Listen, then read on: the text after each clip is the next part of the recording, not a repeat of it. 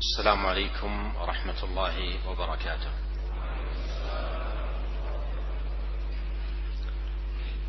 الحمد لله أحمده تبارك وتعالى حمد الشاكرين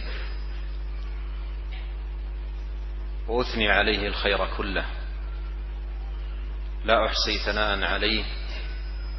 هو جل وعلا كما أثنى على نفسه. أحمده جل وعلا بمحامده التي هو لها أهل.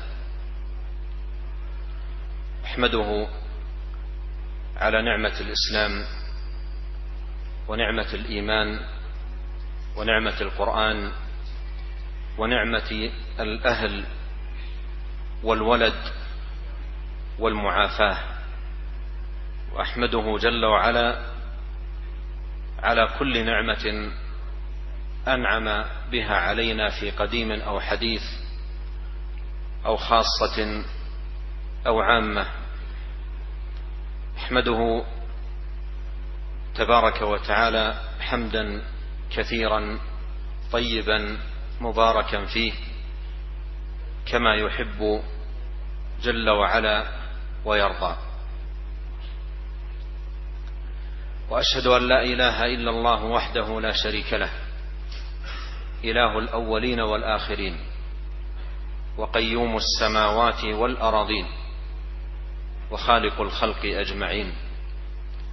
وأشهد أن محمدا عبده ورسوله وصفيه وخليله وأمينه على وحيه ومبلغ الناس شرعه. ما ترك خيرا إلا دل الأمة عليه ولا شرا إلا حذرها منه.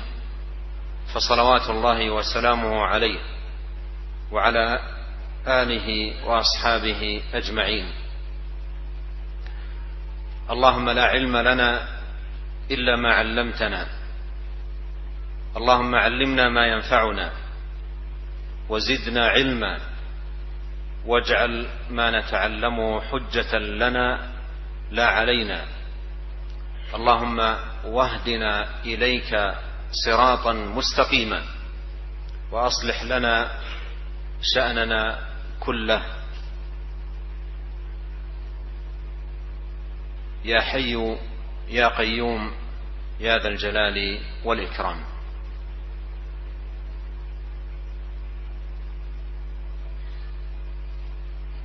Beliau Fadilatul Syekh Profesor Dr. Abdul Razak bin Abdul Muhsin Al-Abbad Al-Badar Pertama-tama membuka pujian-pujian kepada Allah subhanahu wa ta'ala Dengan pujian-pujian yang selayaknya dipanjatkan untuk Allah subhanahu wa ta'ala Beliau memuji Allah subhanahu wa ta'ala bersyukur atas nikmat iman Nikmat Islam Kemudian nikmat Al-Quran Nikmat keluarga, nikmat anak dan semua nikmat yang diberikan oleh Allah Subhanahu wa taala.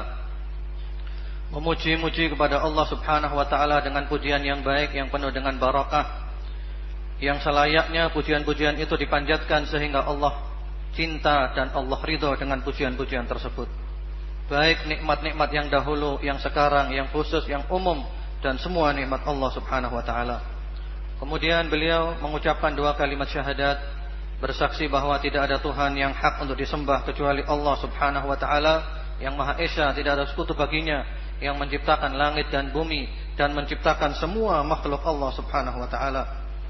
Kemudian beliau bersyahadat bahwa tidak ada bahwa Nabi Muhammad SAW adalah utusan Allah Subhanahu wa taala yang dipilih oleh Allah Subhanahu wa taala.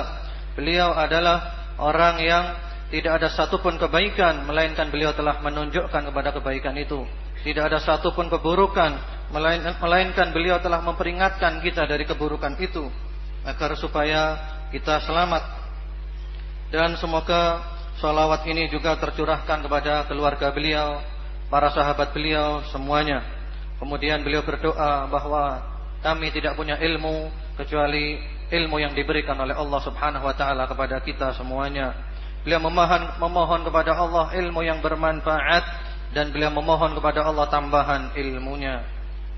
Beliau memohon kepada Allah Subhanahu wa taala agar oleh Allah Subhanahu wa taala ditunjukkan kepada jalan Allah, jalan yang lurus dan agar supaya ilmu menjadi hujjah, argumentasi yang membela kita dan bukan yang justru mencelakakan kita. Beliau memohon kepada Allah agar supaya diperbaiki keadaan semuanya. Ya Hayyu ya Qayyum, Dzal Jalal wal Ikram.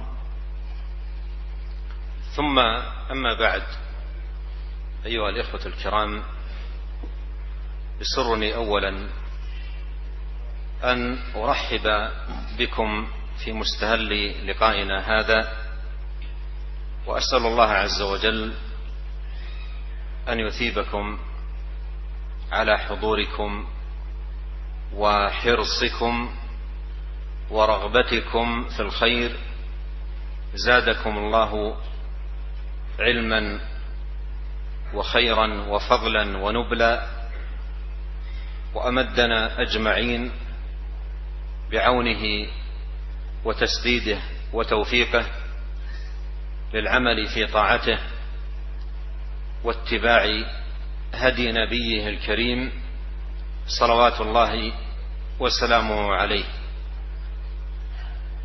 وهذه الزيارة لهذا البلد مالنج هي زيارة محبة وأخوة وتعاون على البر والتقوى. فنسأل الله عز وجل الذي هيأ هذا اللقاء ويسره بمنه جل وعلا أن يتقبله منا وأن ينفعنا به وأن يجعله حجة لنا وأن يوفقنا لكل خير. إنه عز وجل سميع الدعاء. وهذه الزيارة إلى هذا البلد هي الزيارة الثانية حيث إنني سبق أن أتيت ومكثت ثلاثة أيام في دورة علمية شرح فيها عدد من المتون أذكر منها منظومة ابن أبي داود الحائية وأذكر أن عددا من طلاب العلم في هذه في هذا البلد حفظوا في ذلك الوقت المنظومة خلال ثلاثة أيام. وأيضا تفسير سورة الحجرات وأيضا عدد من طلاب العلم يزيدون على الثلاثين. حفظوا السورة في تلك الأيام. إضافة إلى كتب يسر الله عز وجل قراءتها ومدارستها في تلك الزيارة. وكانت تلك الزيارة قبل سبع عشرة سنة تقريبا. ولعلنا نجعلها سنة مستمرة. كل ما مر سبع عشرة سنة أزور هذا البلد.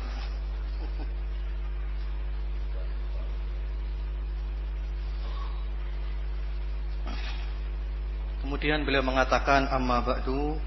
Beliau sangat senang dengan kehadiran antum semuanya. Beliau menyambut kedatangan semuanya dalam perjumpaan ini. Dan beliau memuji atas semangat antum semuanya untuk menghadiri acara pengajian umum pada pagi hari ini.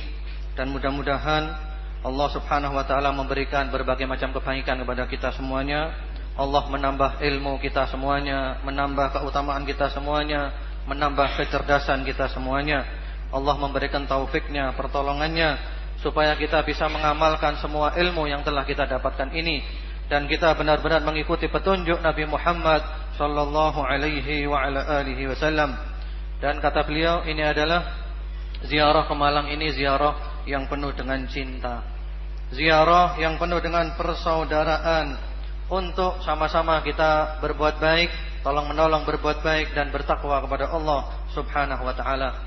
Beliau juga berterima kasih kepada uh, panitia yang telah berusaha keras untuk mensukseskan acara ini dan mudah-mudahan amalnya diterima oleh Allah Subhanahu wa taala dan semoga semua yang kita lakukan ini menjadi hujah argumentasi yang bermanfaat kita membela kita pada hari kiamat nanti. Mudah-mudahan Allah memberikan taufik selalu. Allah Maha mendengar semua doa-doa hamba-hambanya. Dan beliau menerangkan bahwa ini ziarah yang kedua. Ziarah ke kota Malang yang kedua.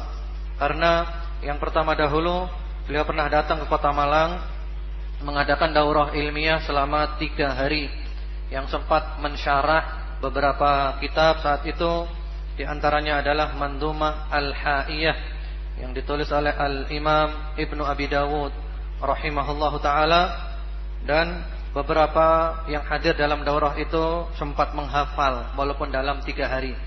Mandumah yang berisi sekian banyak bed akidah ahli sunnah wal jamaah banyak murid yang had, yang hafal dalam tiga hari. Kemudian juga saat itu dalam daurah tiga hari diminta untuk menghafal surat al-hujurat. Dan beliau mengatakan masih ingat betul ada 30 peserta daurah yang hafal dalam tiga hari itu surat al-hujurat Kemudian juga kitab-kitab yang lainnya dan kunjungan beliau ke Kota Malang yang pertama kali ini pada kurang lebih sekitar 17 tahun yang lalu. Dan beliau mengatakan mudah-mudahan ini menjadi kebiasaan rutin tiap-tiap 17 tahun datang ke Kota Malang. Lah ya Syekh. Lah kul sana. Kita minta tiap tahun ya. Ya telepon minkum kul sana. Ila kul 17 sana insyaallah.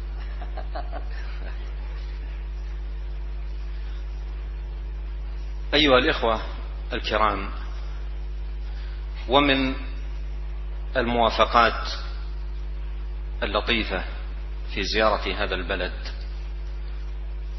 أن الزيارة الأولى كان من جملة ما تذاكرناه في ذلك اللقاء تفسير سورة الحجرات.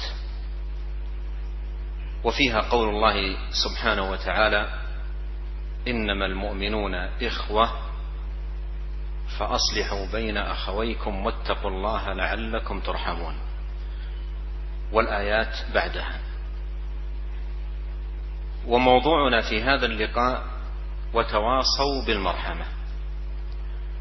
فكان الموضوع هو الموضوع واللقاء هو اللقاء وما هي إلا تجدد في الأيام فنسأل الله عز وجل أن يكرمنا بالأخوة الإيمانية والتراحم والتحاب والتعاون على البر والتقوى وأن يعيذنا من شرور أنفسنا وسيئات أعمالنا ومن شر الشيطان وشركه.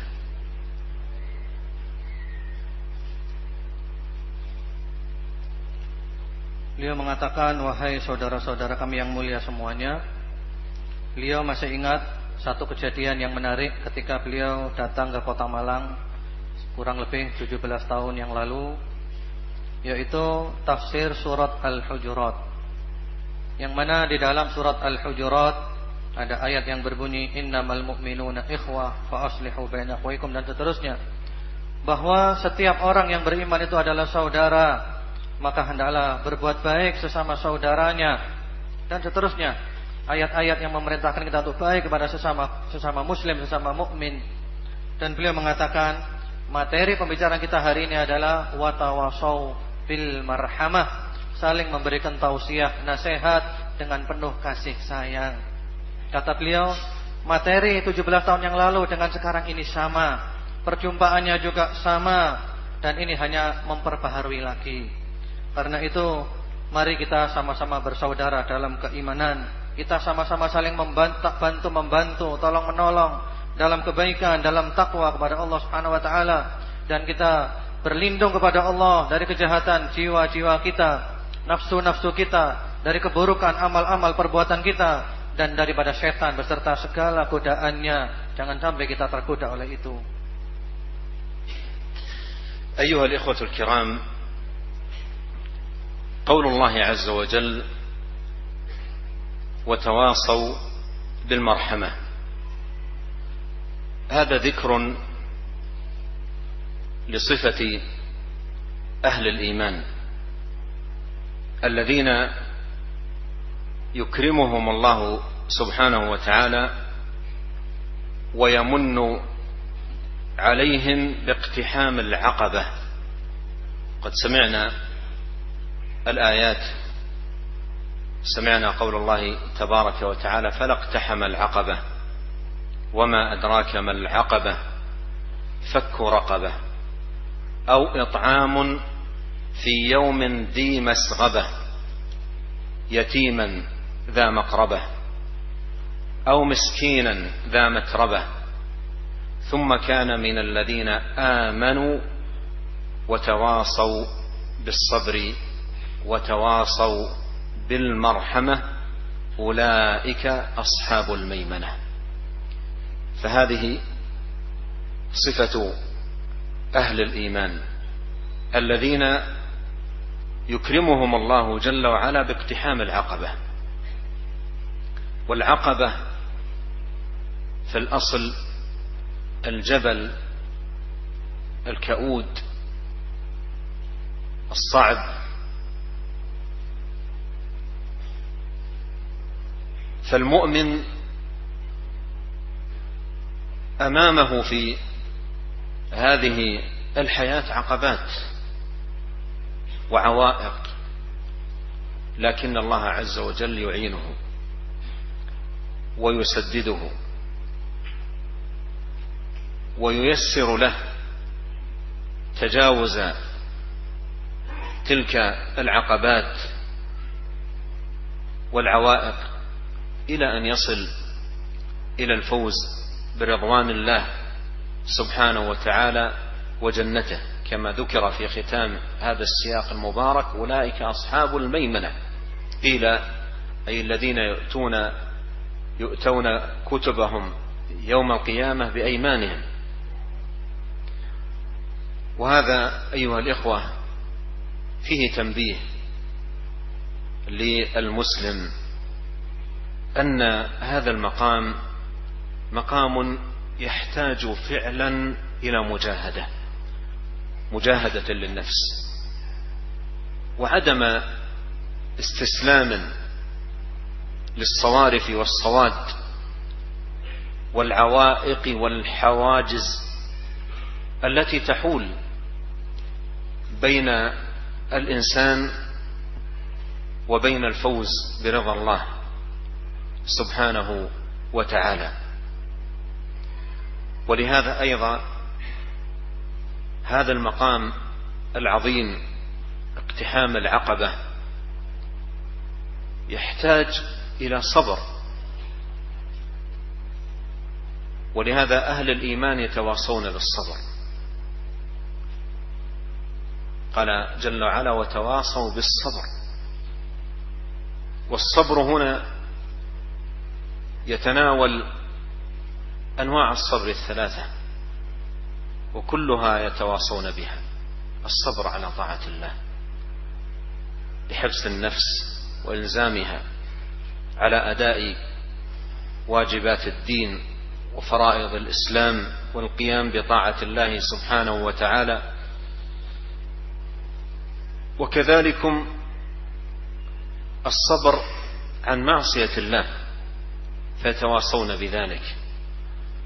ولا سيما إذا كثرت الفتن وأبواب الشهوات فيحتاج أهل الإيمان إلى التواصي بالصبر عن معصية الله. خوفا منه ومن عذابه وسخطه سبحانه وتعالى فيذكر بعضهم بعضا بخطورة المعاصي والتواصي على البعد عنها. واجتنابها والحذر من الوقوع فيها.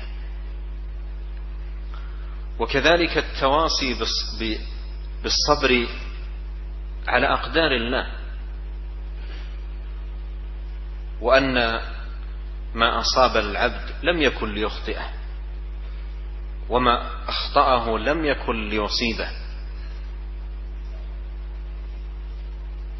وأن من أصابه مصيبة عليه أن يعلم أنها بقضاء الله وقدره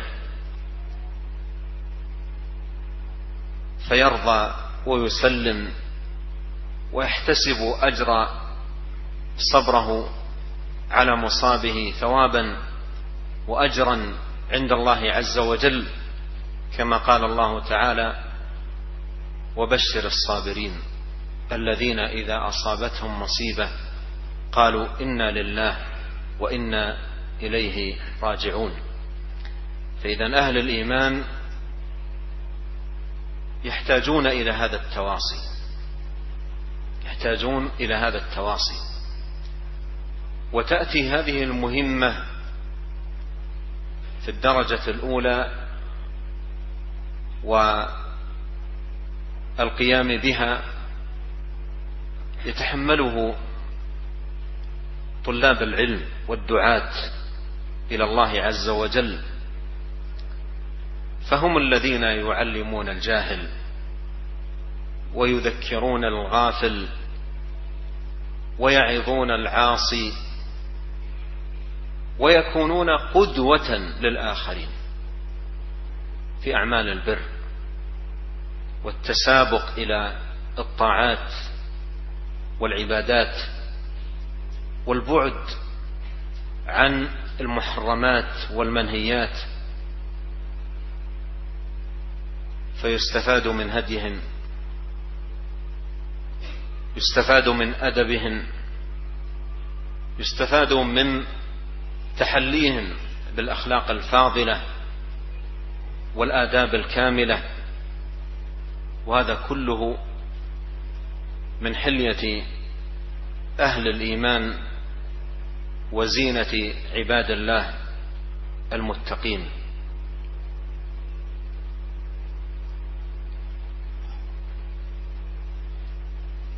Beliau mengatakan, wahai saudara-saudara sekalian yang yang mulia, firman Allah Subhanahu wa taala, "Wa tawasau bil marhamah."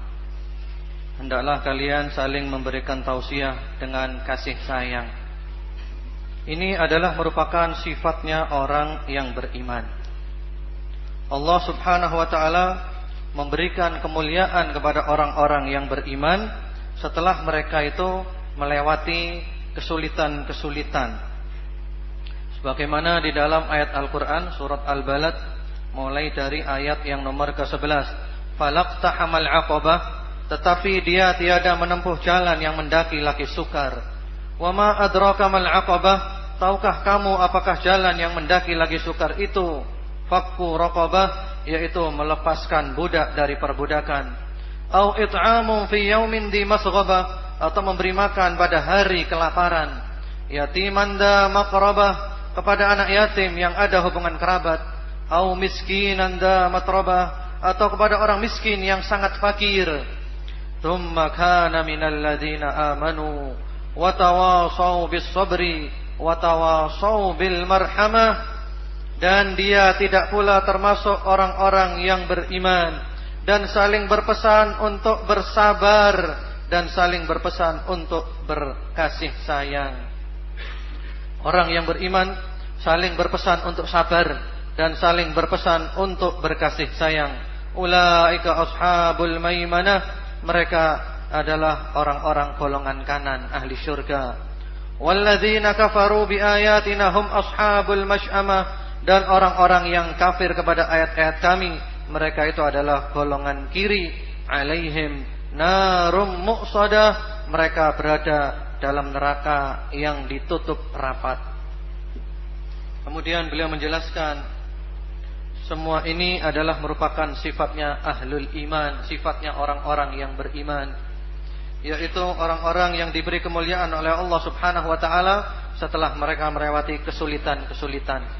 Al-Aqabah itu asalnya adalah sebuah gunung yang sulit untuk didaki Orang yang beriman di hadapannya ada banyak kesulitan-kesulitan yang harus dia lewati. Banyak rintangan-rintangan, halangan-halangan. Tapi Allah menolongnya, Allah membantunya dan Allah memberikan kemudahan kepadanya untuk bisa melewati semua kesulitan itu, semua rintangan itu sehingga dia kemudian menjadi orang-orang yang sukses, mendapatkan ridha dari Allah Subhanahu wa taala dan masuk ke dalam surga Allah Subhanahu wa taala dan mereka menjadi ahlul yamin, golongan kanan yang menerima catatan amalnya dengan tangan kanan nanti hari kiamat. Ini adalah satu perhatian yang perlu diperhatikan oleh setiap orang muslim bahwasanya orang Islam itu harus bersungguh-sungguh bermujahadah, bersungguh-sungguh melawan nafsunya, melawan dirinya, jangan menyerah terhadap semua kesulitan yang ada. Jangan pasrah begitu saja. Sehingga semua kesulitan yang menghalangi antara dia, yang menghalangi antara manusia dengan kesuksesan itu dia lawan. Ini adalah merupakan kedudukan yang sangat agung, kedudukan yang sangat besar. Kita bisa melewati kesulitan-kesulitan dan rintangan-rintangan dan semua ini tentu butuh sabar. Karena itu Allah mengatakan watawasau bis sabr. Orang yang beriman saling memberi tausiah untuk supaya selalu sabar. Sabar dalam tiga macam sabar. Yang pertama-tama sabar mengerjakan taat kepada Allah, mengerjakan kewajiban-kewajiban, mengerjakan segala yang fardu, kemudian sabar meninggalkan maksiat. Karena seorang mukmin diminta untuk selalu sabar meninggalkan maksiat. Di hadapan kita ada banyak fitnah, ada banyak kemaksiatan. Kita harus selalu waspada jangan sampai kita masuk dalam dalam maksiat itu supaya kita selamat dari murka Allah, selamat dari kemarahan Allah Subhanahu wa taala dan kita harus selalu waspada dari bahaya berbagai macam kemaksiatan itu.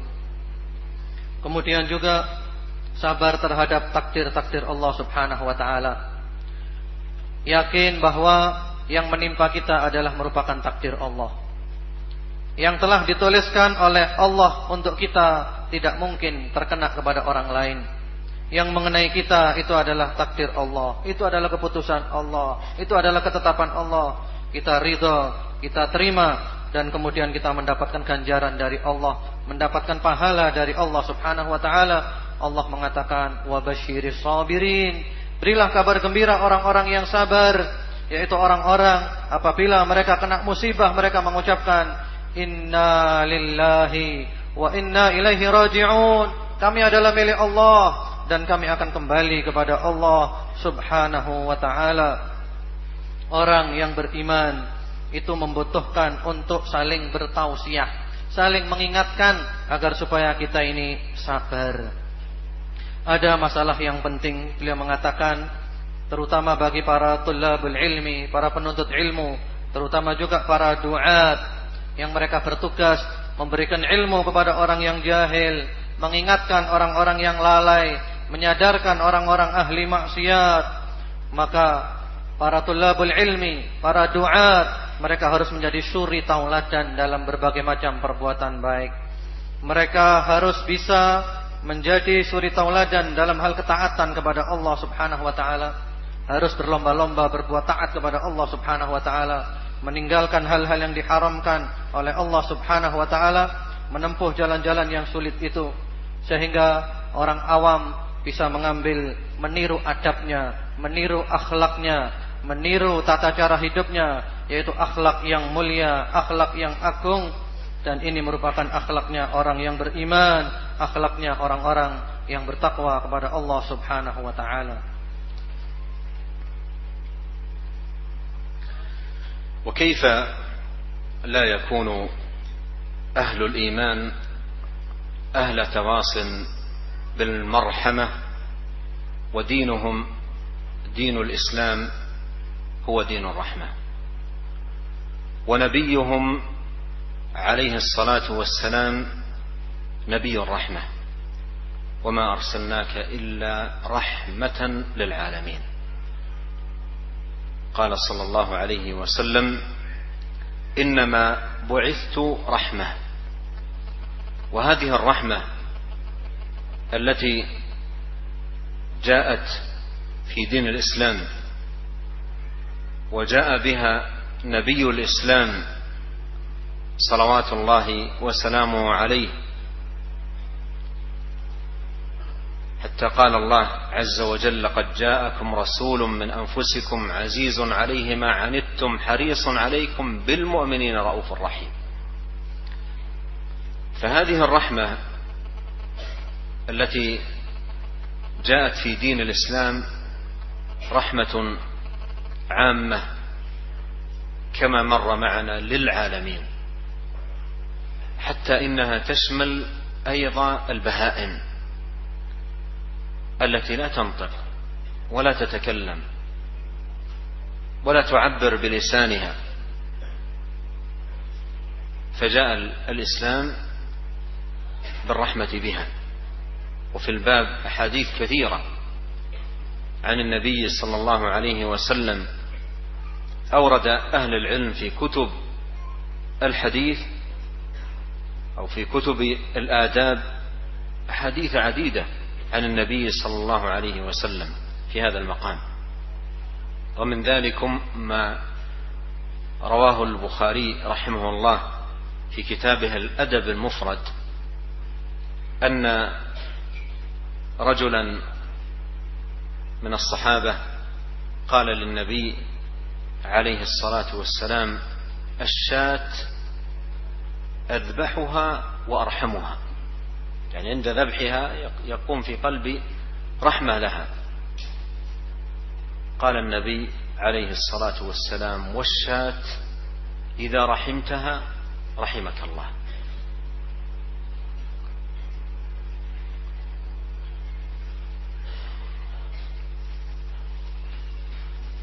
Bagaimana mungkin Bagaimana seorang yang beriman itu tidak saling menasehati untuk berkasih sayang Padahal agama kita adalah agama kasih sayang. Nabi kita penuh dengan kasih sayang. Allah berfirman, "Wa ma arsalnaka illa rahmatan lil alamin." Dan tiadalah kami mengutus engkau wahai Rasulullah melainkan sebagai rahmat untuk seluruh alam semesta, kasih sayang untuk seluruh alam semesta. Beliau sallallahu alaihi wasallam bersabda, "Bu'ittu rahmah, aku diutus untuk menjadi rahmat kasih sayang. Agama kita adalah agama rahmat. Nabi kita adalah nabi yang rahmat. Bahkan Allah mengatakan, "Laqad ja'akum rasulun min anfusikum azizun 'alaihi ma harisun 'alaikum bil mu'minina." Raufur Rahim, sungguh telah datang kepadamu seorang rasul dari kaummu sendiri, terasa berat atasnya penderitaanmu, sangat menginginkan keimanan dan keselamatanmu, Beliau sangat kasih sayang kepada orang-orang yang beriman. Bah, ini adalah rahmat secara umum. Rahmat untuk semua alam semesta. Termasuk rahmat kasih sayang kepada hewan, binatang yang tidak bisa berbicara. Itu kita juga harus sayang, rahmat kepada hewan. Tentang kasih sayangnya Nabi Muhammad SAW kepada hewan telah disebutkan dalam kitab-kitab dan di antaranya Imam Al-Bukhari di dalam kitabnya Al-Adabul Mufrad menyebutkan ada seorang sahabat datang kepada Nabi Muhammad sallallahu alaihi wasallam mengatakan, "Wahai Rasulullah, ini ada kambing. Apakah aku menyembelihnya ataukah aku menyayanginya?" Kemudian beliau bersabda, "Sayangilah kambing ini. Sayangilah kambing ini, maka kamu akan disayangi oleh Allah Subhanahu wa taala."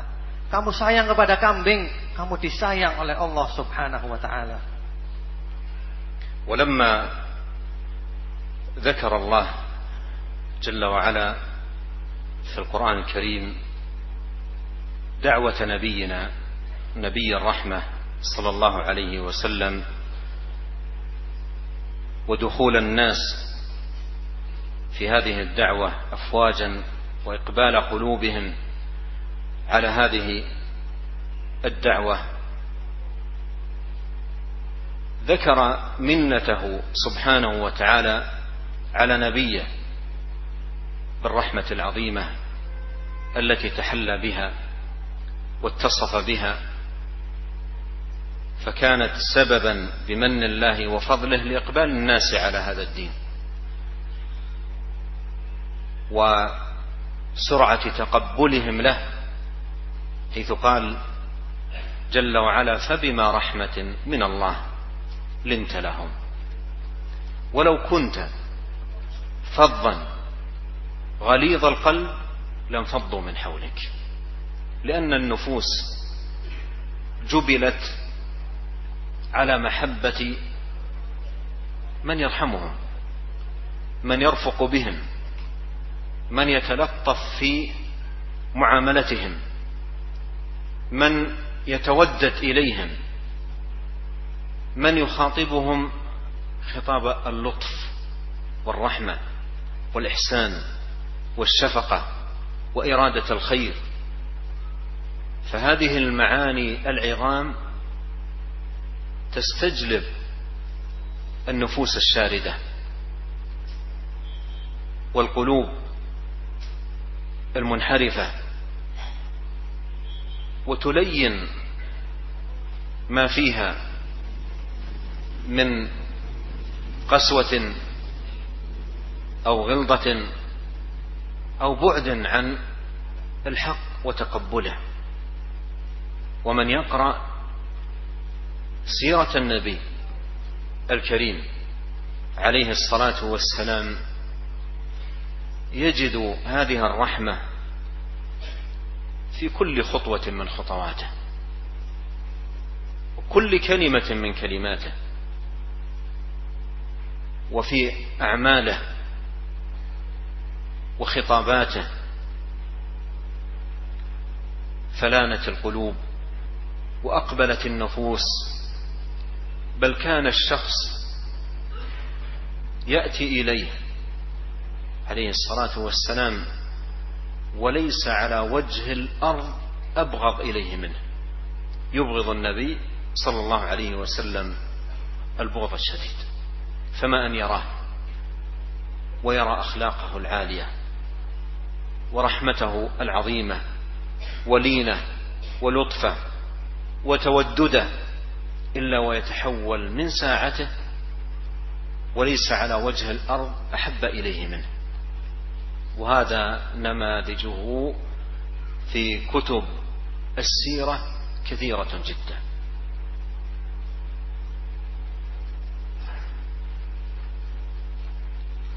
Kemudian beliau mengatakan Allah subhanahu wa ta'ala di dalam Al-Quran menyebutkan bahwa Nabi Muhammad SAW adalah Nabi yang penuh dengan kasih sayang. Demikian pula inilah yang menjadikan manusia demikian pula banyak manusia yang masuk ke dalam dakwahnya Nabi Muhammad wasallam. Banyak orang-orang masuk Islam pada masa Nabi Muhammad wasallam. Lalu Allah menyebutkan nikmatnya kepada Nabi Muhammad wasallam yang ini merupakan sifatnya Nabi Muhammad sallallahu alaihi wasallam. Dan inilah yang menjadikan orang-orang itu mau masuk ke dalam Islam. Bahkan mereka berlomba-lomba bercepat-cepat masuk ke dalam Islam. Yaitu Allah mengatakan fabima rahmatin minallahi linta lahum. Walau kunta faddan ghalidhal qalbi lam faddu min haulik karena rahmat Allah lah engkau wahai Rasulullah berlemah lembut kepada mereka kalau engkau kasar keras kepada mereka mereka akan lari semuanya dari sisimu. Inilah sifat yang ada pada diri Nabi Muhammad sallallahu alaihi wasallam, akhlak yang baik, lemah lembut dalam bermuamalah, ketika berbicara penuh dengan lemah lembut, penuh dengan kasih sayang, penuh dengan kebaikan, benar-benar niatnya adalah niat-niat kebaikan. Ini adalah kedudukan yang sangat agung. Inilah yang menjadikan semua hati, hati yang kotor menjadi bersih, hati yang jauh menjadi dekat, yang semuanya menjadi lembut dan cinta kepada dakwah Nabi Muhammad wasallam. Hati yang keras, hati yang keras menjadi hati yang lembut dan mau menerima kebenaran yang dibawa oleh Nabi Muhammad wasallam. Kalau kita membaca sirah Nabi Muhammad wasallam, kita akan mendapatkan uh, yang seperti ini dalam setiap langkah beliau, dalam setiap ucapan beliau sampai Pernah ada seorang yang datang kepada Nabi Muhammad sallallahu alaihi wasallam. Orang itu mengatakan, "Wahai kamu adalah manusia yang paling aku benci di muka bumi." Pertama datang pada Nabi mengatakan gitu. Tidak ada orang yang paling aku benci di muka bumi melebihi kebencianku kepadamu. Tapi Rasulullah sallallahu alaihi wasallam baik kepadanya, lemah lembut kepadanya, dengan penuh kasih sayang sampai orang itu berubah Langsung orang itu mengatakan, sekarang ini kamu adalah penduduk bumi yang paling aku cintai. Tidak ada yang lebih aku cintai dari penduduk bumi ini. Melebihi cintaku kepadamu. Wahai Rasulullah Muhammad SAW. Dan kisah seperti ini kita akan mendapatkan banyak di buku-buku sirah Nabi Muhammad Sallallahu Alaihi Wasallam. وعند الحديث عن رحمته عليه الصلاة والسلام وذكر النماذج من سيرته وهديه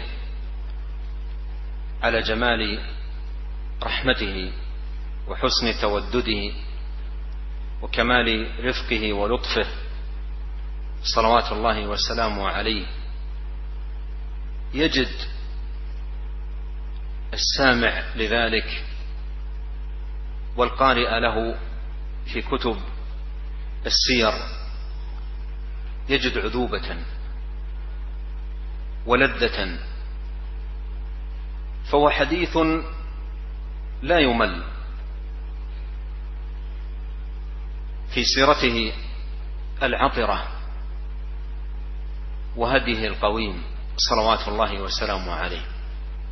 حتى إنك في كل مرة تقرأ ما جاء في سيرته عليه الصلاة والسلام وتعود له ثانية وثالثة ومرات كثيرة. في كل مرة تجد لذة القراءة ولذة السماع لأخلاقه العالية ورحمته ورفقه ولطفه. صلوات الله وسلامه عليه. ولو أخذنا في عد المث... النماذج والأمثلة. على ذلك لطال المقام واحتاج إلى جلسات وجلسات. لكن لننظر في مثال من أمثلة تلك الرحمة. والحديث في الصحيحين. كان الأقرع بن حابس عند النبي عليه الصلاة والسلام فنظر إلى النبي صلى الله عليه وسلم وهو يقبل الحسن بن علي رضي الله عنهما. فقال الأقرع إن عندي عشرة من الولد ما قبلت واحدا منهم؟ فقال عليه الصلاة والسلام من لا يرحم لا يرحم. وفي حديث آخر أن أحد الأعراب قال للنبي عليه الصلاة والسلام أتقبلون صبيانكم؟ أتقبلون صبيانكم؟ فإن لا نقبلهم. قال وماذا أصنع؟ يقول عليه الصلاة والسلام وماذا أصنع إذا نزع الله الرحمة من قلبك؟ فالرحمة رحمة الإسلام ورحمة نبي الإسلام عليه الصلاة والسلام تبدأ مع هذا الإنسان منذ صغره وتتنامى يرحم صغيرا يرحم ابنا يرحم أخا يرحم أما قريبا أختا أبا إلى غير ذلك. فهي, فهي رحمة تتناول الأقرباء تتناول الجيران تتناول الرفقاء تتناول المتعامل معهم. بل يقول الله سبحانه وتعالى لا ينهاكم الله. عن الذين لم يقاتلوكم أي الكفار. لا ينهاكم الله عن الذين لم يقاتلوكم في الدين. ولم يخرجوكم من دياركم. أن تبروهم وتقسطوا إليهم. إن الله يحب المقسطين. وهذا البر والتعامل يستجلب قلوب هؤلاء. ويلين نفوسهم وصدورهم فتنشرح للحق وتقبل عليه. لما دخل نبينا عليه الصلاة والسلام مكة فاتحا. وهي البلد الذي أوذي فيه وأخرج منه. صلوات الله وسلامه عليه. ذهب أبو بكر وجاء بوالده أبي قحافة وكان لم يسلم وقتئذ وكان شيخا كبيرا. حتى إن شعر رأسه ولحيته كان كأنه ثغامة من البياض من شيبه وكبره وكان كثيف البصر. فجاء به أبو قحافة والحديث في المسند بسند ثابت فجاء به أبو قحافة إلى النبي عليه الصلاة والسلام. فقال له عليه الصلاة والسلام لماذا جعلت هذا الشيخ يأتينا؟ ألا أخبرتني أنا الذي آتي؟ ألا أخبرتني أنا الذي آتي؟ ووقتها وقتئذ لم يسلم.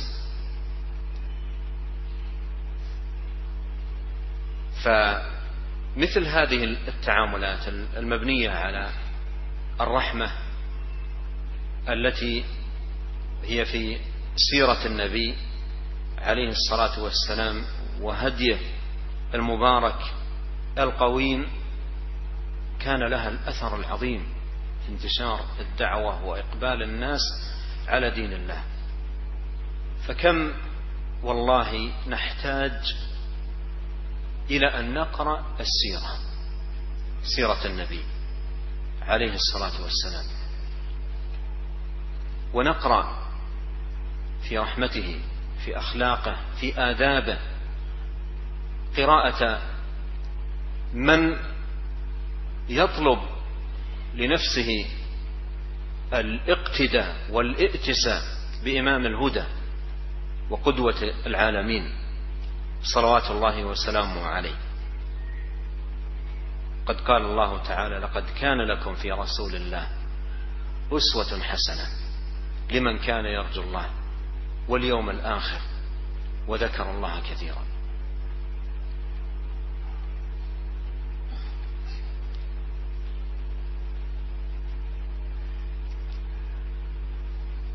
Beliau kemudian mengatakan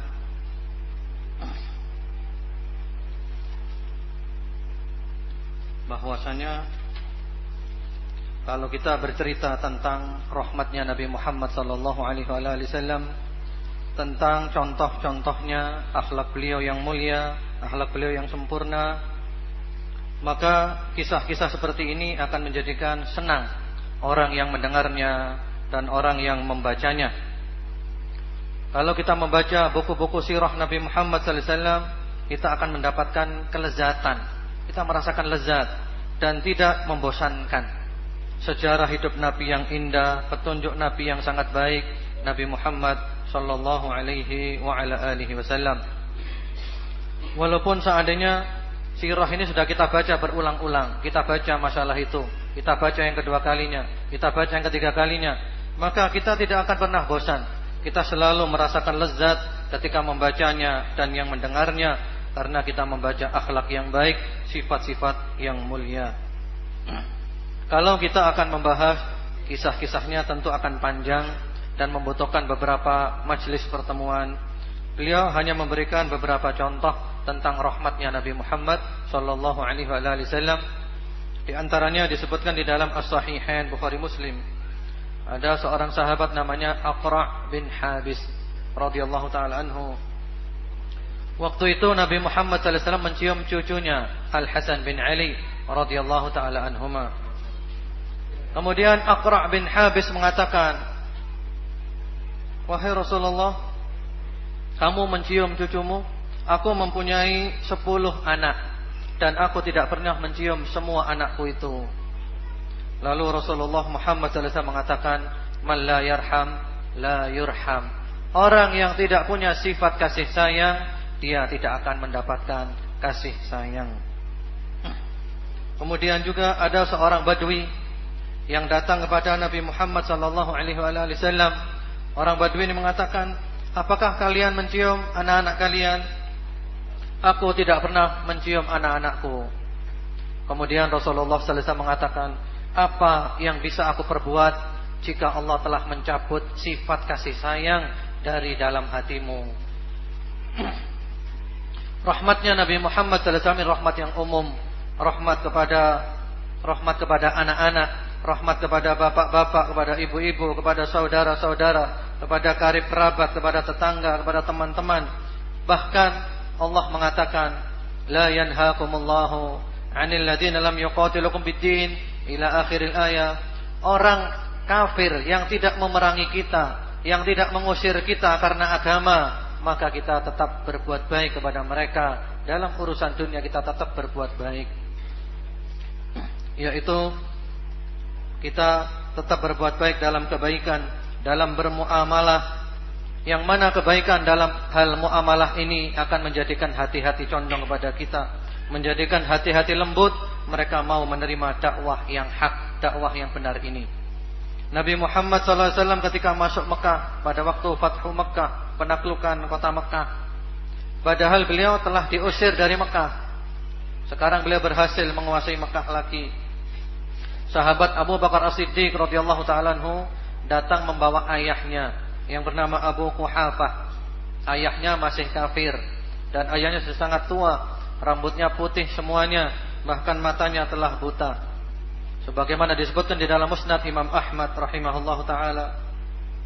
Datang Kemudian Nabi Muhammad SAW mengatakan, Kenapa kamu membawa orang ini kepada kami?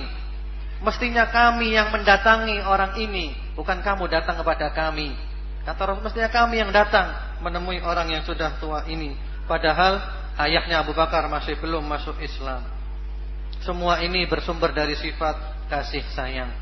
Dan inilah contoh daripada sirah Nabi Muhammad SAW yang menjadikan memberikan bekas yang sangat besar yang menjadikan orang-orang suka dengan agama Islam sehingga orang-orang berlomba-lomba masuk ke dalam Islam. Kalau kita membaca sirah Nabi Muhammad SAW, membaca akhlak beliau, membaca adab beliau, tapi membacanya adalah membaca dengan niat untuk menjadikan beliau sebagai suri tauladan, untuk menjadikan beliau sebagai contoh karena beliau adalah imamul huda, imam yang memberikan petunjuk Beliau adalah suri tauladan bagi orang-orang yang beramal. Allah berfirman, "Laqad kana lakum fi Rasulillahi uswatun hasanatun ila akhiril ayat." Rasulullah sallallahu alaihi wasallam adalah merupakan suri tauladan yang baik bagi orang-orang yang beriman kepada Allah Subhanahu wa taala. Adda an-nabi sallallahu alaihi wasallam عدم تقبيل الصبيان منافيا لما ينبغي أن يقوم بالقلوب من رحمة. إذ إن هذه الرحمة إذا قامت في القلوب وجدت آثارها في كل مقام بحسبه. فإذا كان الشخص بهذه الصفة لا يقبل صبيانه أبناءه أطفاله الصغار فهذا دليل على أن هذا القلب لا رحمة فيه. ولهذا قال للأعرابي وماذا أصنع إذا نزع الله الرحمة من قلبك؟ وهذا حقيقة نستفيد منه فائدة عظيمة في هذا المقام أن الرحمة إذا وجدت في القلب وجدت آثارها وكذلك إذا انتزعت من القلب وجدت أيضا الآثار الدالة على انتزاع الرحمة من القلب. وأيضا هذا نستفيد منه فائدة أخرى وهي أن الرحمة التي تكون في القلوب قلوب الناس تزيد وتنقص. فتزيد وتكون رحمة قوية جدا وتنقص وربما تنزع من القلب ويصبح آه، آه، القلب لا رحمة فيه إطلاقا. فهذه الرحمة لها آثارها لها آثارها ويحتاج العبد إلى أن يقوي هذا العمل القلبي. الرحمة عمل في القلب له آثاره. يحتاج أن يقوي هذا العمل في قلبه بسؤال الله عز وجل أن يوفقه لذلك. اللهم آت نفوسنا تقواها وزكها أنت خير من زكاها أنت وليها ومولاها. بالدعاء والسؤال والالتجاء إلى الله وباتخاذ الأسباب النافعة. ومن أعظم بل أساس ذلك قراءة سيرة النبي عليه الصلاة والسلام وهديه القويم حتى يكون بتكراره لقراءة سيرته وهديه عليه الصلاة والسلام يزداد تأسيا به واقتداء بهديه القويم صلوات الله وسلامه عليه. وقول النبي عليه الصلاة والسلام للأول من لا يرحم لا يرحم وقوله للآخر وماذا أصنع إذا نزع الله الرحمة من قلبك. في دليل على ما أشرت إليه سابقا أن هذا التقبيل للصبيان من الرحمة بهم وأشير هنا إلى فائدة لها أهميتها في هذا الموضوع الذي هو تقبيل الصبيان رحمة بهم. من يخالف السنة والفطرة التي جاءت بقص الشارب بقص الشارب فيترك شاربه يطول وربما في بعض الناس يتركه يطول حتى يغطي فمه أو شفته العليا. أرأيتم لو أنه قبل صغيرا؟ لو أنه قبل صغيرا من ولده وأطفاله. هل هذه القبلة بهذه الصفة لهذا الشخص المخالف للسنة وللفطرة هل تكون في أثرها على هذا الصبي وهذا الصغير. أثر الرحمة المشار إليها في حديث النبي عليه الصلاة والسلام. مرة أخرى هل مثل هذه القبلة بمثل هذا هذه الصفة هل تعد رحمة بالصبي أو أذى له وإيذاء له.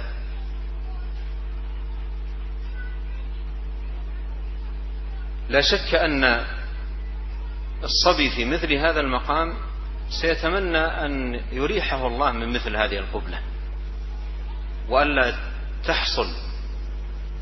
وأنا أنبه بذلك إلى مسائل دقيقة في الفقه وهي ترابط فقه التعامل وفقه الأدب وفقه الأخلاق الترابط بين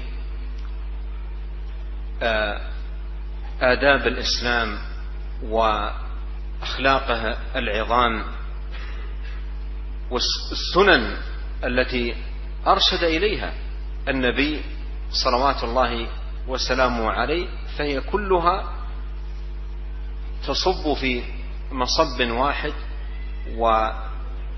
وتنطلق في أصل واحد وقاعدة واحدة جامعة وهي التحلي بكامل الأخلاق وجميل الأوصاف والآداب التي جمعها الله سبحانه وتعالى بكل جوانبها وجميع أطرافها في نبينا الكريم صلوات الله وسلامه عليه الذي قال عنه ربه جل وعلا وإنك لعلى خلق عظيم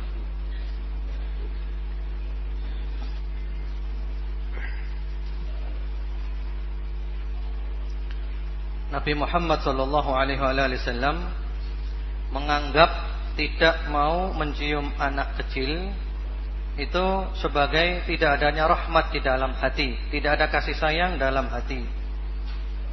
Karena kalau kasih sayang ada di dalam hati, maka akan tampak bekas-bekasnya dari luar. Orang yang mau mencium anak-anaknya, anak-anak kecil, anaknya sendiri, itu berarti ada tanda di hatinya itu ada rahmat. Tanda di hatinya ada rahmat. Karena itu Rasulullah sallallahu alaihi wasallam mengatakan kepada orang yang tidak mau mencium anaknya, apa yang bisa aku lakukan jika Allah telah mencabut sifat rahmat dari dalam hatimu? Orang yang di hatinya ada sifat rahmat, maka akan timbul dampak-dampak yang baik dari sifat rahmat yang ada di hatinya itu. Sebaliknya orang yang di hatinya telah dicabut sifat rahmat kasih sayang, maka akan timbul dampak-dampak buruk dari dicabutnya sifat rahmat yang ada di dalam hatinya itu. Kita bisa mengambil faedah di sini. Kita bisa mengambil faedah bahwa sifat kasih sayang yang ada di dalam hati itu bisa bertambah dan bisa berkurang. Ada kalanya kasih sayang itu kuat di dalam hati. Ada kalanya kasih sayang itu kurang di dalam hati. Ada kalanya kasih sayang itu telah dicabut dari hati. Dan semua itu ada dampak-dampak yang timbul daripadanya. Kita semua perlu minta kekuatan kasih sayang yang ada di dalam hati kita. Yaitu kita selalu mohon kepada Allah Subhanahu wa taala di antara doanya adalah Allahumma ati nafsi taqwaha. Ya Allah berikanlah kepada diriku ketakwaannya. Kita mohon kepada Allah Subhanahu wa taala karena Allah lah yang memberikan kekuatan. Kemudian juga kita melakukan sebab-sebab mengusahakan dengan mempelajari sirah Nabi Muhammad sallallahu alaihi wasallam dengan terus-menerus mengulang-ulang pelajaran sirah Nabi Muhammad sallallahu alaihi wasallam sehingga kita semakin mengikuti ajarannya Nabi Muhammad sallallahu alaihi wasallam mengambil beliau sebagai suri tauladan kita dalam kasih sayang ini. Ucapan Nabi Muhammad sallallahu alaihi wasallam, "Man yarham la yurham." Siapa yang tidak menyayangi dia tidak disayangi. Dan juga ucapan beliau, "Apa yang bisa aku lakukan jika Allah telah mencabut sifat rahmat dari hatimu?" Ini adalah dalil bahwa mencium anak kecil adalah termasuk sifat rahmat dan kasih sayang. Penting sekali untuk uh, di, diketahui bahwasanya mencium anak kecil termasuk rahmat kasih sayang kepada anak kecil. Lalu beliau menjelaskan tentang masalah masalah kumis. Rasulullah Muhammad SAW menyuruh kita untuk memotong kumis. Disunnahkan sunnah Nabi memotong kumis dan ini juga sesuai dengan fitrah. Kumis tidak dibiarkan panjang sampai dilihat kurang bagus, apalagi sampai kadang menutupi bibirnya karena panjangnya. Orang yang kumisnya seperti ini ketika mencium anak kecil kira-kira anak kecil itu merasa mendapat sayang atau malah merasa tersakiti ketika dicium oleh orang yang kumisnya tebal seperti ini. Ini telah menyimpang, menyalahi sunnah dan menyalahi fitrah Nabi Muhammad sallallahu alaihi wasallam. Tentu anak kecil yang dicium oleh orang yang kumisnya tebal seperti itu ingin segera dibebaskan oleh Allah dari orang yang seperti itu. Karena dia merasa terganggu. Jadi di sini ada fikih ta'amul. Ada keterkaitan antara adab-adab Islam kemudian juga antara sunnah-sunnah Nabi. Dalam adab salam sunnah Nabi kita dianjurkan memotong kumis. Kemudian adab Nabi mencium anak kecil. Nah sehingga orang yang kumisnya itu telah dipotong mencium anak kecil maka nyambung. Tapi kalau dia menyimpang dari sunnah Nabi kumisnya tebal kemudian dia mencium anak kecil maka hal itu justru akan menyakiti anak tersebut. Jadi semua ini dari sumber yang sama adab Islam dan sunnah Nabi ini dari sumber yang sama. Yang sumber itu dari satu orang yang sempurna yaitu Nabi Muhammad sallallahu alaihi wasallam. Tidak ada orang yang lebih sempurna akhlaknya dari beliau sehingga Allah mengatakan wa innaka la'ala khuluqin azim. Sesungguhnya engkau wahai Rasulullah mempunyai akhlak yang sangat agung. وقد جاء في القرآن وسنة النبي الكريم عليه الصلاة والسلام ما يدل على أن الجزاء من جنس العمل في الإحسان أو الإساءة. قال الله تعالى هل جزاء الإحسان إلا الإحسان؟ وقال تعالى ثم كان عاقبة الذين أساءوا السوء. فالجزاء من جنس العمل ولهذا مر معنا في الحديث المتقدم من لا يرحم لا يرحم أي من لا يرحم الناس لا يرحم عباد الله لا يرحمه الله جزاء من جنس عمله. وأيضا في المقابل من يرحمهم؟ يرحمه الله سبحانه وتعالى. قد صح في الحديث عن عن النبي عليه الصلاة والسلام أنه قال الراحمون يرحمهم الرحمن. ارحموا من في الأرض يرحمكم من في السماء. وقولهم من في الأرض شاهد لما سبق من رحمة الإسلام وتناولها حتى للبهائم. والطير ارحموا من في الأرض يرحمكم من في السماء. أي الله سبحانه وتعالى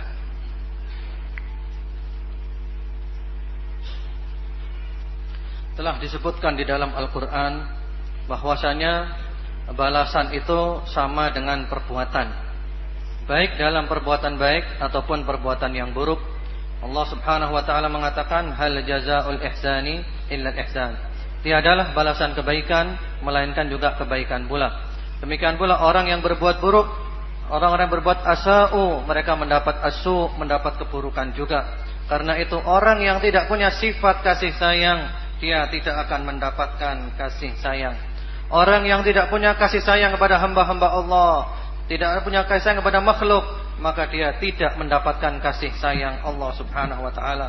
Sebaliknya, orang yang punya sifat kasih sayang, maka dia akan mendapatkan kasih sayang dari Allah Subhanahu wa taala. Ar-rahimun yarhamuhumur rahman, irhamu man fil ard yarhamkum man fis sama. Orang-orang yang punya sifat kasih sayang, mereka itu akan disayang oleh zat yang penuh dengan kasih sayang. Sayangi yang di bumi, yang di langit semuanya akan sayang kepadamu. Ini sayang yang umum. Sampai kepada binatang pun kita dianjurkan kasih sayang. Sayang yang di bumi, maka yang di langit sayang kepadamu. وهنا أيضا نستفيد فائدة جليلة جدا نافعة في هذا الباب العظيم باب التحلي بالرحمة والحذر من ضدها. ألا وهو أو ألا وهي أن العبد عندما يجاهد رح عندما يجاهد نفسه على التحلي بالرحمة. وأيضا عندما يجاهد نفسه على الحذر من ضدها وهو أنه لا يرحم لماذا يفعل ذلك؟ ماذا ماذا يرجو بهذا الخلق؟ حقيقة التنبه لهذا الأمر ومستفاد من الحديثين السابقين نافع جدا في معالجة النفس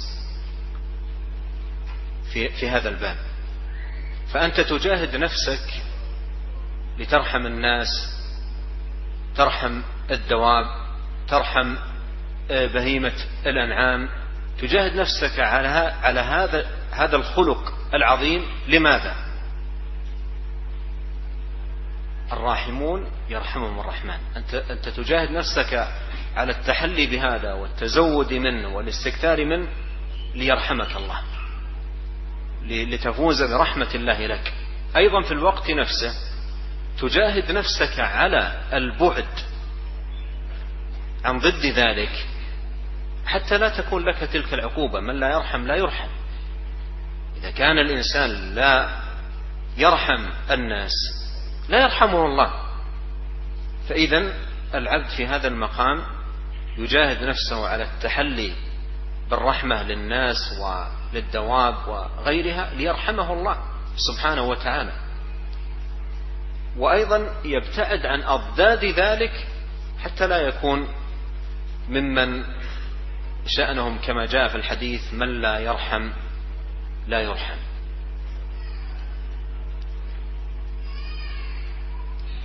Kita mendapatkan faedah yang sangat bagus dan pelajaran yang sangat bermanfaat. Daripada sifat rahmat. Dan juga daripada kebalikan daripada sifat rahmat itu. Yaitu seorang hamba yang dia bersungguh-sungguh untuk supaya mempunyai sifat rahmat kasih sayang. Dan dia juga bersungguh-sungguh untuk menjauhi kebalikan daripada kasih sayang itu. Apa yang diharapkan oleh hamba itu? Yang diharapkan apa oleh hamba itu? Tadi ada dua hadis yaitu bahwasanya orang yang menyayangi dia akan disayang, yang tidak menyayang tidak akan disayang. Maka kata beliau, kita menyaksikan, kita diperintah untuk sayang kepada manusia, sayang kepada hewan-hewan. Apa yang kita harapkan? Yang kita harapkan kata beliau adalah ar-rahimun yarhamuhumur rahman. Orang yang punya sifat kasih sayang itu disayang oleh Allah.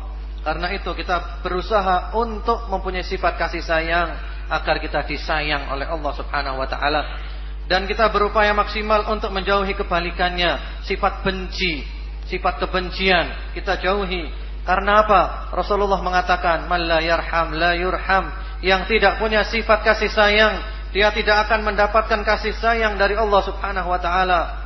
Karena itu kita hamba hamba-hamba Allah berusaha untuk mempunyai sifat rahmat sifat kasih sayang supaya kita disayang oleh Allah Subhanahu wa taala dan kita menjauhi kebalikannya, kebalikan dari kasih sayang supaya kita tidak masuk di dalam hadis man la yarham la yurham orang yang tidak punya sifat kasih sayang tidak akan disayang oleh oleh tidak akan mendapatkan kasih sayang. سأذكر في هذا المقام فيما يتعلق الراحمون يرحمهم الرحمن وأيضا من لا يرحم لا يرحم قصتين عجيبتين وذكري لهما لما فيهما من فائدة. الأولى تتعلق بالحديث الأول الراحمون يرحمهم الرحمن ارحموا من في الأرض يرحمكم من في السماء. حدثني أحد الأفاضل عن جار له عمره يزيد على العشرين سنة بقليل. يقول كان هذا الجار من أسوأ الجيران في حينا. لا يصلي ويشرب الخمر وفيه معاني سيئة كثيرة جدا.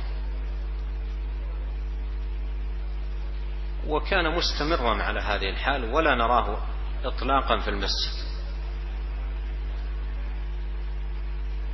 يقول ثم رأيته يواظب على الصلاة مواظبة عظيمة جدا حتى إنه من أب من أكثر الناس تبكيرا للمسجد وآخرهم خروجا.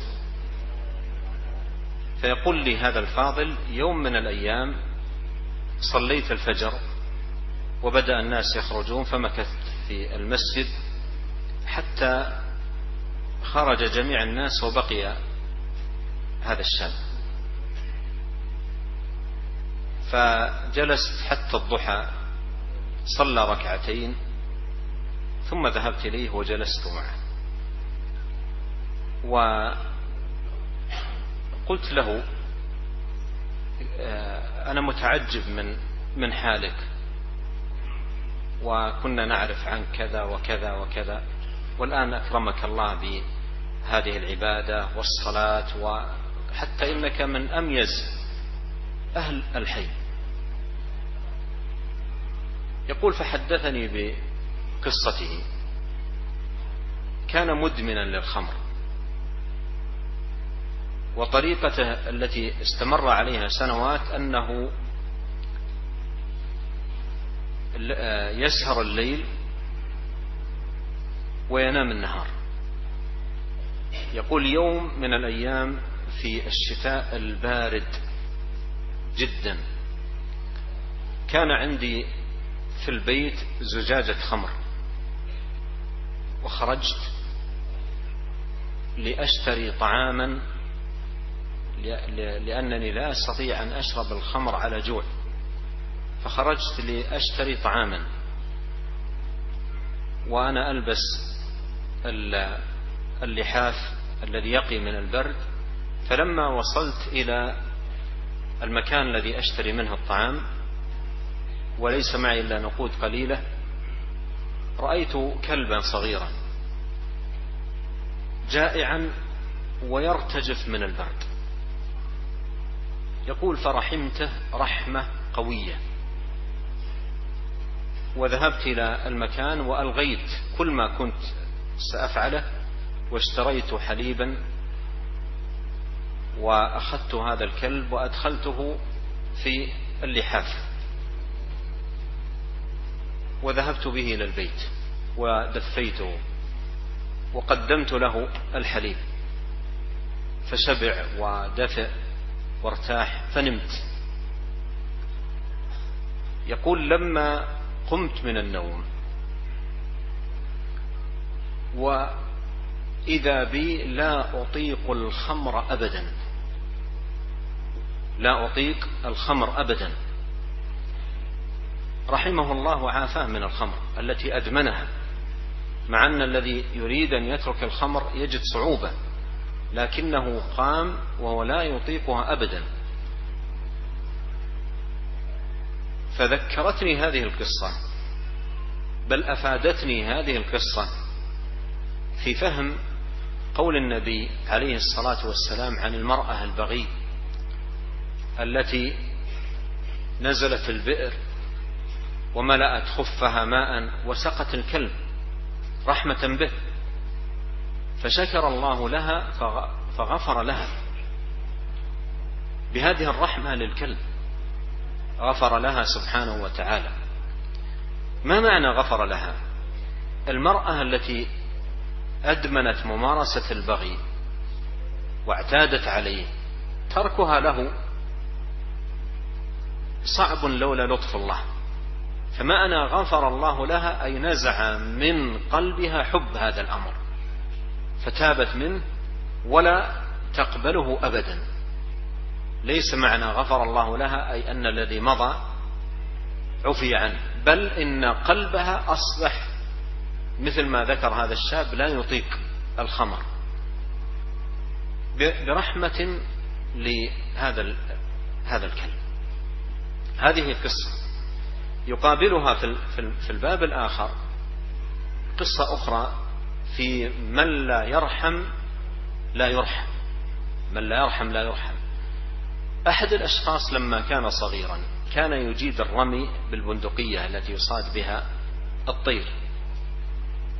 فرأى كلبا من مسافة بعيدة فعاير البندقية على ذكر الكلب وضربه من بعد.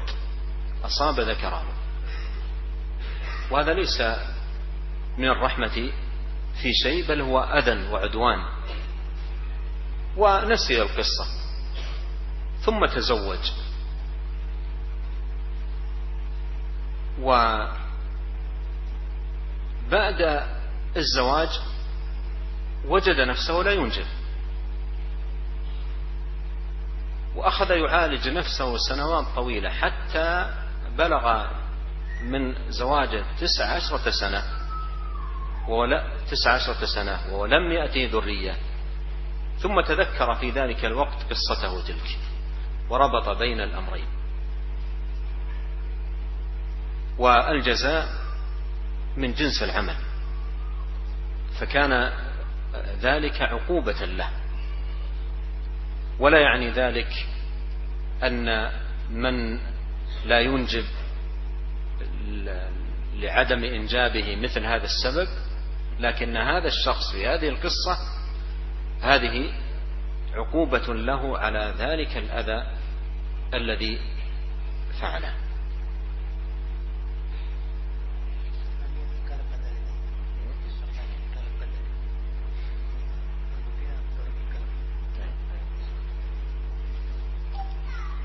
Beliau akan menyebutkan dua kisah yang sangat menarik.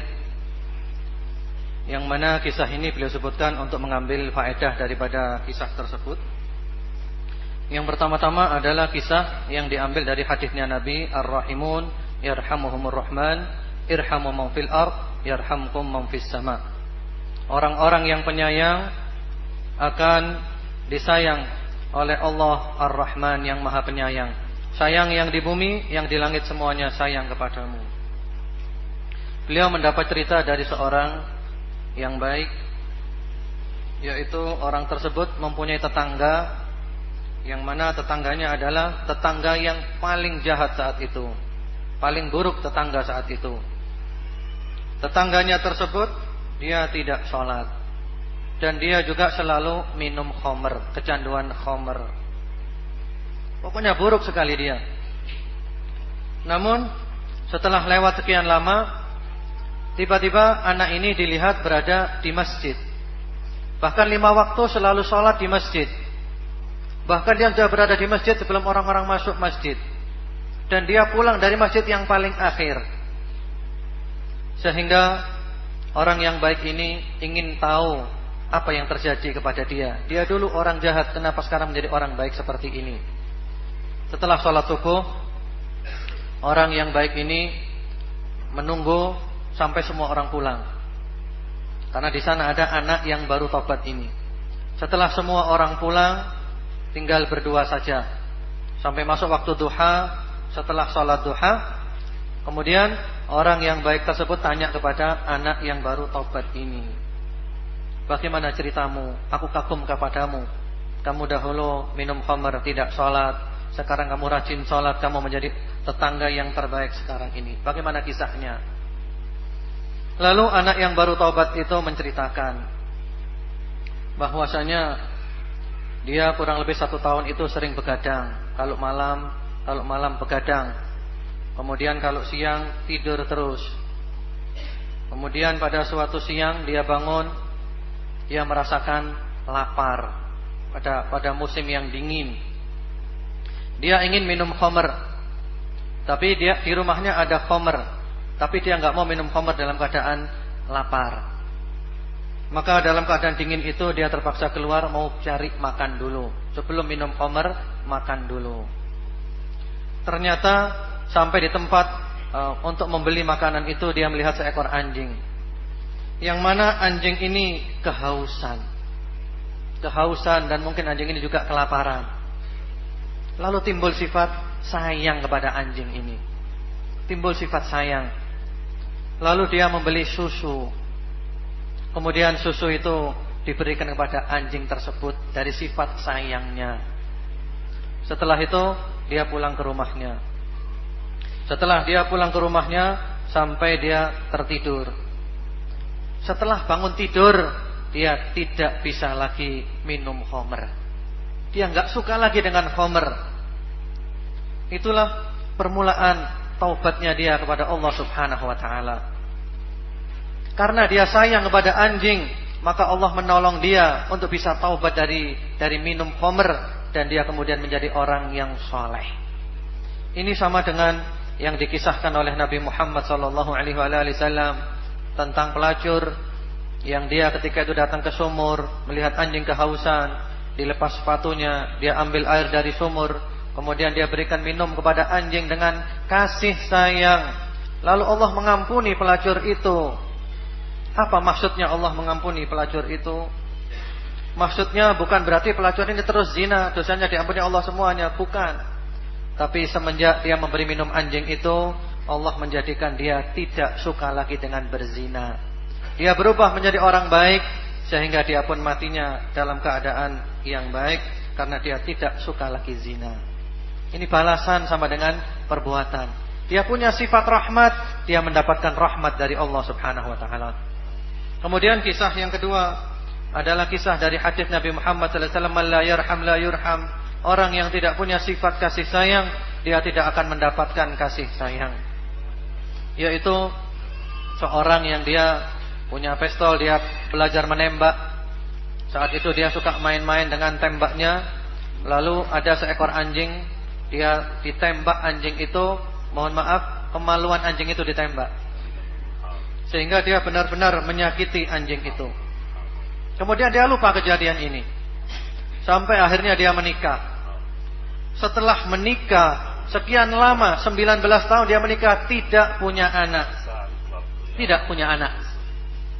Dan ini merupakan balasan karena dia menembak kemaluannya anjing. Sehingga anjing itu nggak bisa nggak bisa nggak subur lagi. Maka dia pun oleh Allah dijadikan tidak subur 19 tahun tidak bisa punya anak. Al jazau min jinsil amal balasan sama dengan perbuatan.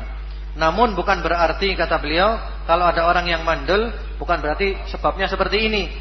Tapi ini adalah satu kisah yang ada hubungannya bahwa orang yang tidak punya sifat kasih sayang maka dia tidak akan mendapatkan kasih sayang balasan sama dengan perbuatan.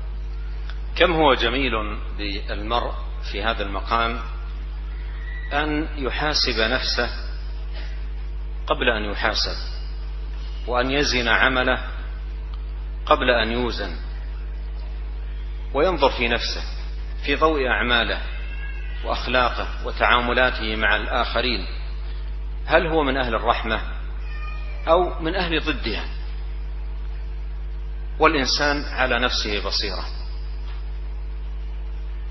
فإذا وجد من نفسه تحليا بهذا الخلق حمد الله على ذلك وسأله سبحانه وتعالى المزيد من فضله. وإذا وجد نفسه بخلاف ذلك عمل على معالجة نفسه ومداواتها من مثل هذه الأخلاق السيئة والتعاملات الرديئة. فيحاسب نفسه قبل أن يحاسبه الله. وهذه الرحمة والمرحمة إذا قامت في القلب لها أثران بارزان. ظاهران. الأول أن صاحب هذه المرحمة رحمته بالآخرين تدفعه إلى الإحسان إليهم. ولهذا سمعنا في الآيات الكريمات فك رقبة أو إطعام في يوم ذي مسغبة يتيما ذا مقربة أو مسكينا ذا متربة. هذا من الرحمة. إحسانا إلى الإنسان بفك الرقبة عتقا له من الرق أو فكا له من الأسر. قولان لأهل العلم في معنى الآية أو إطعام المسكين القريب من الإنسان إحسانا إليه. هذه من جملة أبواب الإحسان وإلا باب الإحسان إلى الآخرين. رحمة بهم باب واسع والجزاء من جنس العمل. من نفس عن مسلم كربة نفس الله عنه كربة من كرب يوم القيامة. والله في عون العبد ما كان العبد في عون أخيه والأحاديث في هذا الباب كثيرة جدا. الجانب الآخر من الرحمة بالآخرين الكف عن إيذائهم. لا بالقول ولا بالفعل لأن الإيذاء بالقول أو الإيذاء بالفعل يتنافى مع ما ينبغي أن يكون عليه من رحمة تجاه الآخرين. واقرأوا هذا المعنى في سورة الحجرات. قول الله سبحانه إنما المؤمنون إخوة فأصلحوا بين أخويكم واتقوا الله لعلكم ترحمون. يا أيها الذين آمنوا لا يسخر قوم من قوم عسى أن يكونوا خيرا منهم ولا نساء من نساء عسى أن يكن خيرا منهن. ولا تلمزوا أنفسكم ولا تنابزوا بالألقاب. بئس الاسم الفسوق بعد الإيمان. ومن لم يتب فأولئك هم الظالمون. يا أيها الذين آمنوا اجتنبوا كثيرا من الظن. إن بعض الظن إثم. ولا تجسسوا. ولا يغتب بعضكم بعضا. أيحب أحدكم أن يأكل لحم أخيه ميتا فكرهتموه؟ واتقوا الله. إن الله تواب رحيم. هذا كله من الآثار التي تترتب. إذا كان يرحم الناس ويرجو أن يرحمه الله لعلكم ترحمون لا يقوم بهذه الأعمال لأنها تتنافى مع الرحمة. ولا تنسجم معها. إذا كان يسخر بالآخرين يستهزئ بهم يلمزهم يهمزهم. يقع في أعراضهم. يغتابهم. يسعى في النميمة بينهم. هذه كلها ليست من أعمال من يرجو أن يرحمه الله لأنها ليست من الرحمة في شيء. فيفتش الإنسان في عمله. ويحاسب نفسه قبل أن يحاسبه الله ويزن أعماله قبل أن توزن. فإذا وجد خيرا حمد الله واجتهد في الزيادة منه وإذا وجد خلاف ذلك في أعماله من غيبة أو نميمة أو سخرية أو استهزاء أو غش أو خديعة أو مكر أو غل أو حقد أو حسد أو غير ذلك من الأمور التي تتنافى مع حقيقة الرحمة التي ينبغي أن يكون عليه المسلم فليجاهد نفسه على التخلص منها والابتعاد عنها ليكون من أهل الفوز برحمة الله لعلكم ترحمون.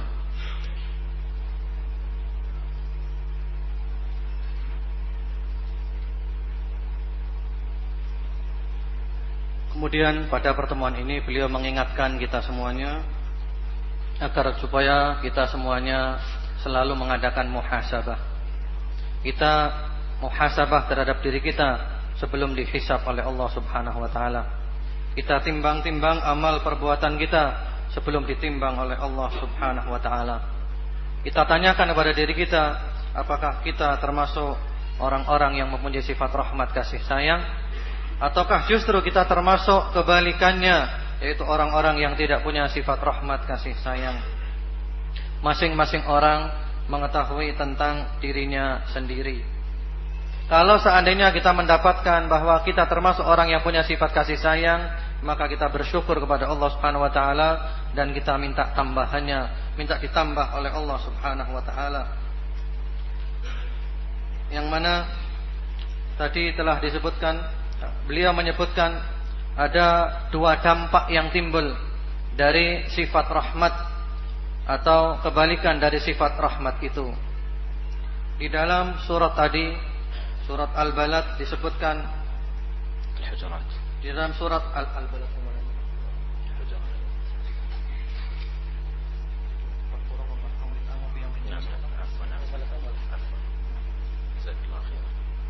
Di dalam surat Al-Balad yang pertama-tama beliau sebutkan adalah bahwa mereka-mereka yang tawasau bir rahmah, tawasau bil marhamah, saling menasehati dengan kasih sayang karena mereka telah melewati beberapa tahapan-tahapan yaitu mereka fakku rokobah memerdekakan budak kemudian mereka memberi makan pada hari kelaparan mereka kasih sayang kepada anak-anak yatim masih ada hubungan kerabat mereka juga peduli kepada orang-orang fakir miskin.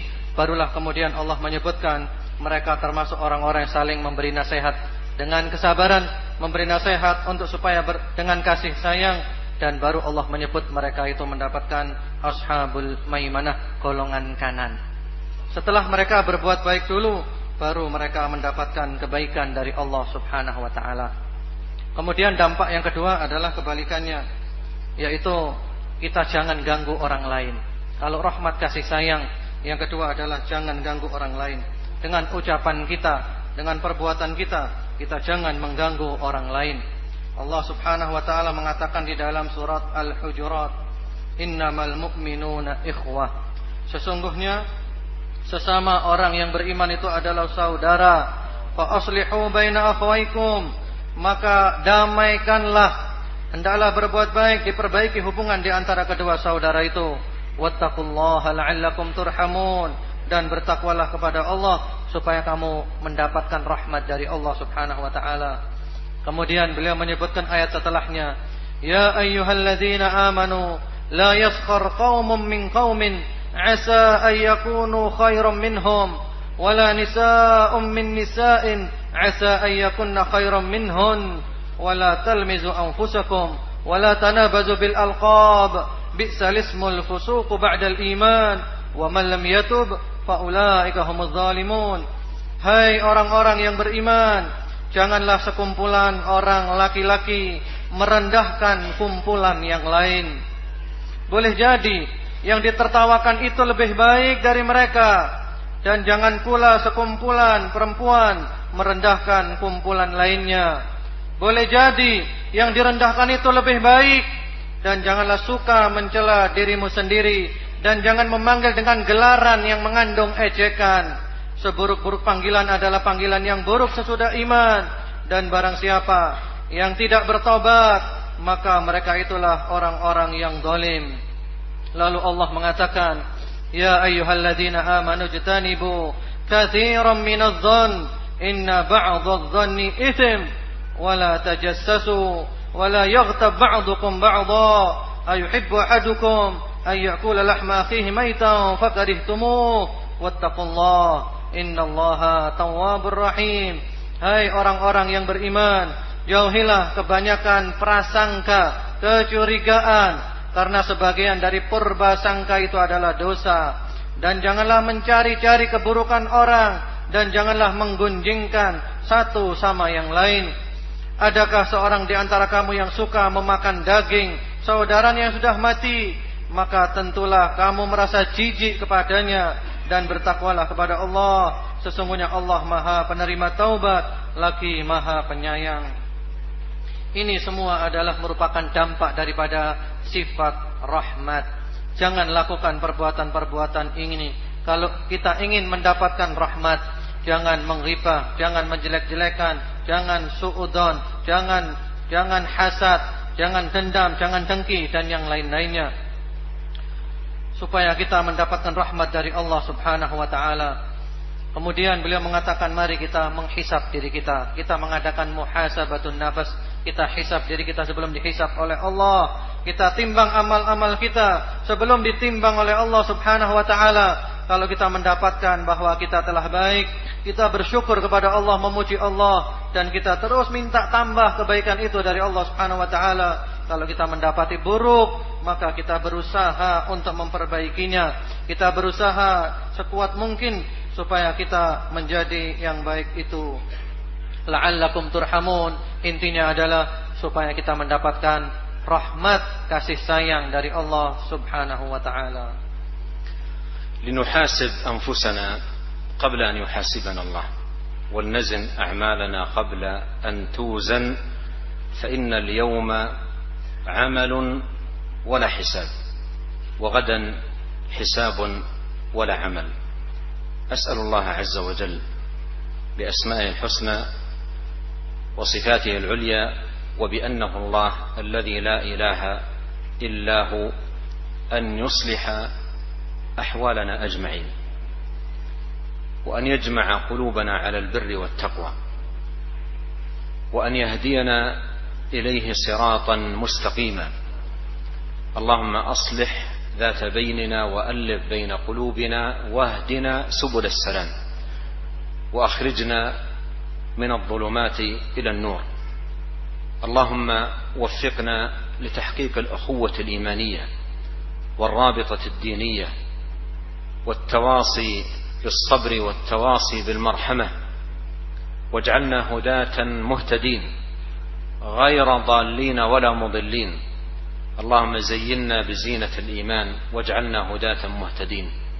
اللهم أصلح لنا ديننا الذي هو عصمة أمرنا. وأصلح لنا دنيانا التي فيها معاشنا. وأصلح لنا آخرتنا التي فيها معادنا. واجعل الحياة زيادة لنا في كل خير. والموت راحة لنا من كل شر. اللهم إنا نسألك بأنك أنت الغفور الرحيم أن تغفر لنا ذنبنا كله. دقه وجلة أوله وآخره سره وعلنه. اللهم اغفر لنا ما قدمنا وما أخرنا وما أسررنا وما أعلنا وما أسرفنا وما أنت أعلم به منا. أنت المقدم وأنت المؤخر لا إله إلا أنت. وآخر دعوانا أن الحمد لله رب العالمين وصلى الله وسلم على عبده ورسوله نبينا محمد وآله وصحبه أجمعين Kemudian beliau mengatakan, mari kita semuanya menghisap diri kita, mengadakan muhasabah sebelum dihisap nanti hari kiamat. Kita menimbang-nimbang amal kita sebelum ditimbang nanti hari kiamat. Karena sekarang ini adalah saat beramal dan nanti hari kiamat adalah kita bakal dihisap oleh Allah Subhanahu wa taala. Sekarang amal tanpa hisap, nanti adalah hisap kita tidak bisa beramal lagi. Kemudian beliau berdoa kepada Allah Subhanahu wa taala Memohon kepada Allah dengan membawa semua nama Allah yang maha indah dan semua sifat Allah yang maha tinggi agar supaya Allah memperbaiki keadaan kita semuanya, menjadikan kita semuanya selalu tolong menolong dalam kebaikan dan takwa, supaya hati kita semuanya oleh Allah disatukan dalam kebaikan. Allah memberikan kepada kita iman, menjauhkan kita dari semua yang buruk-buruk, menjadikan kita benar-benar bersaudara. Kita benar-benar terikat oleh ikatan agama kita saling memberikan tausiah agar supaya sabar, saling memberi tausiah dengan penuh rahmat kasih sayang supaya kita dijadikan orang-orang yang mendapat petunjuk dan memberi petunjuk. Kita dijauhkan daripada menjadi orang yang tersesat dan menyesatkan supaya kita oleh Allah diberikan keimanan, diperbaiki uh, uh, agama kita yang merupakan agama pokok urusan kita dan diperbaiki dunia kita karena kita masih hidup di dunia dan kita butuh dunia supaya diperbaiki akhirat kita karena kita nanti kembali ke akhirat. Kalau Allah memberikan kehidupan kepada kita maka semakin bertambah kebaikan-kebaikan kita. Kalau Allah mewafatkan kita berarti kita istirahat dari semua keburukan-keburukan itu itulah di antaranya doa-doa beliau kemudian juga supaya dosa-dosa kita semuanya oleh Allah diampuni dosa-dosa yang dahulu, yang sekarang, yang besar, yang kecil, yang kita tahu, yang tidak tahu, yang hanya Allah tahu saja. Karena Allah adalah Maha Pengampun, Allah adalah Maha Kasih Sayang. Kita mendapatkan ampunan Allah dan mendapatkan sayang dari Allah Subhanahu wa taala. Tidak ada Tuhan yang hak kecuali Allah saja. Kemudian beliau memuji Allah dan salawat beserta salam kepada Rasulullah wasallam dan keluarganya. أحب أن أنبه في الختام على أمرين. الأول اتفقت مع الشيخ عبد الله أن نتحدث عن موضوع من الفائز لأنه وقف على هذا الموضوع في الموقع الخاص بي. لكن معذرة لم يبقى معنا وقت لذلك. وهو موجود في أوراق مكتوبة كنت كتبتها في مقال فلعل الأخ عبد الله الشيخ عبد الله يكلف من يرى من الإخوة الذين يجيدون الترجمة يقوم بترجمة الأوراق الآن على الإخوة آه، الحاضرين. هذا الأمر الأول. آه، أيضا يلتحق به آه، أنني أود حقيقة أن أسلم على الإخوة جميعا لكن عندنا موعد متأخر في إلى المطار فسنخرج سريعا وأرجو المعذرة على ذلك. أيضا أطلب من الأخ عبد الله أن يقيد الآن تاريخ اليوم تقييدا دقيقا حتى يذكرني بعد سبع عشرة سنة باللقاء القادم. إن شاء الله. والسلام عليكم ورحمة الله وبركاته.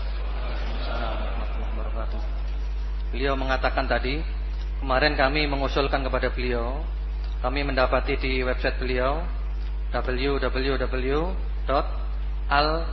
Kemudian das bader.net Itu di sana banyak tulisan beliau, ceramah beliau ada satu materi saya usulkan kepada beliau judulnya Manil Faiz. Siapakah orang yang sukses? Sangat indah materi itu. Saya usul kepada beliau untuk menyampaikan, tapi ternyata ada perubahan jadwal keberangkatan pesawat sehingga beliau minta maaf karena harus segera pergi ke airport Abdurrahman Saleh untuk berangkat dan beliau minta kepada salah seorang di antara kita untuk menerjemahkan tulisan itu Manil Faiz kemudian nanti disebarkan supaya bermanfaat. Insyaallah nautar juga.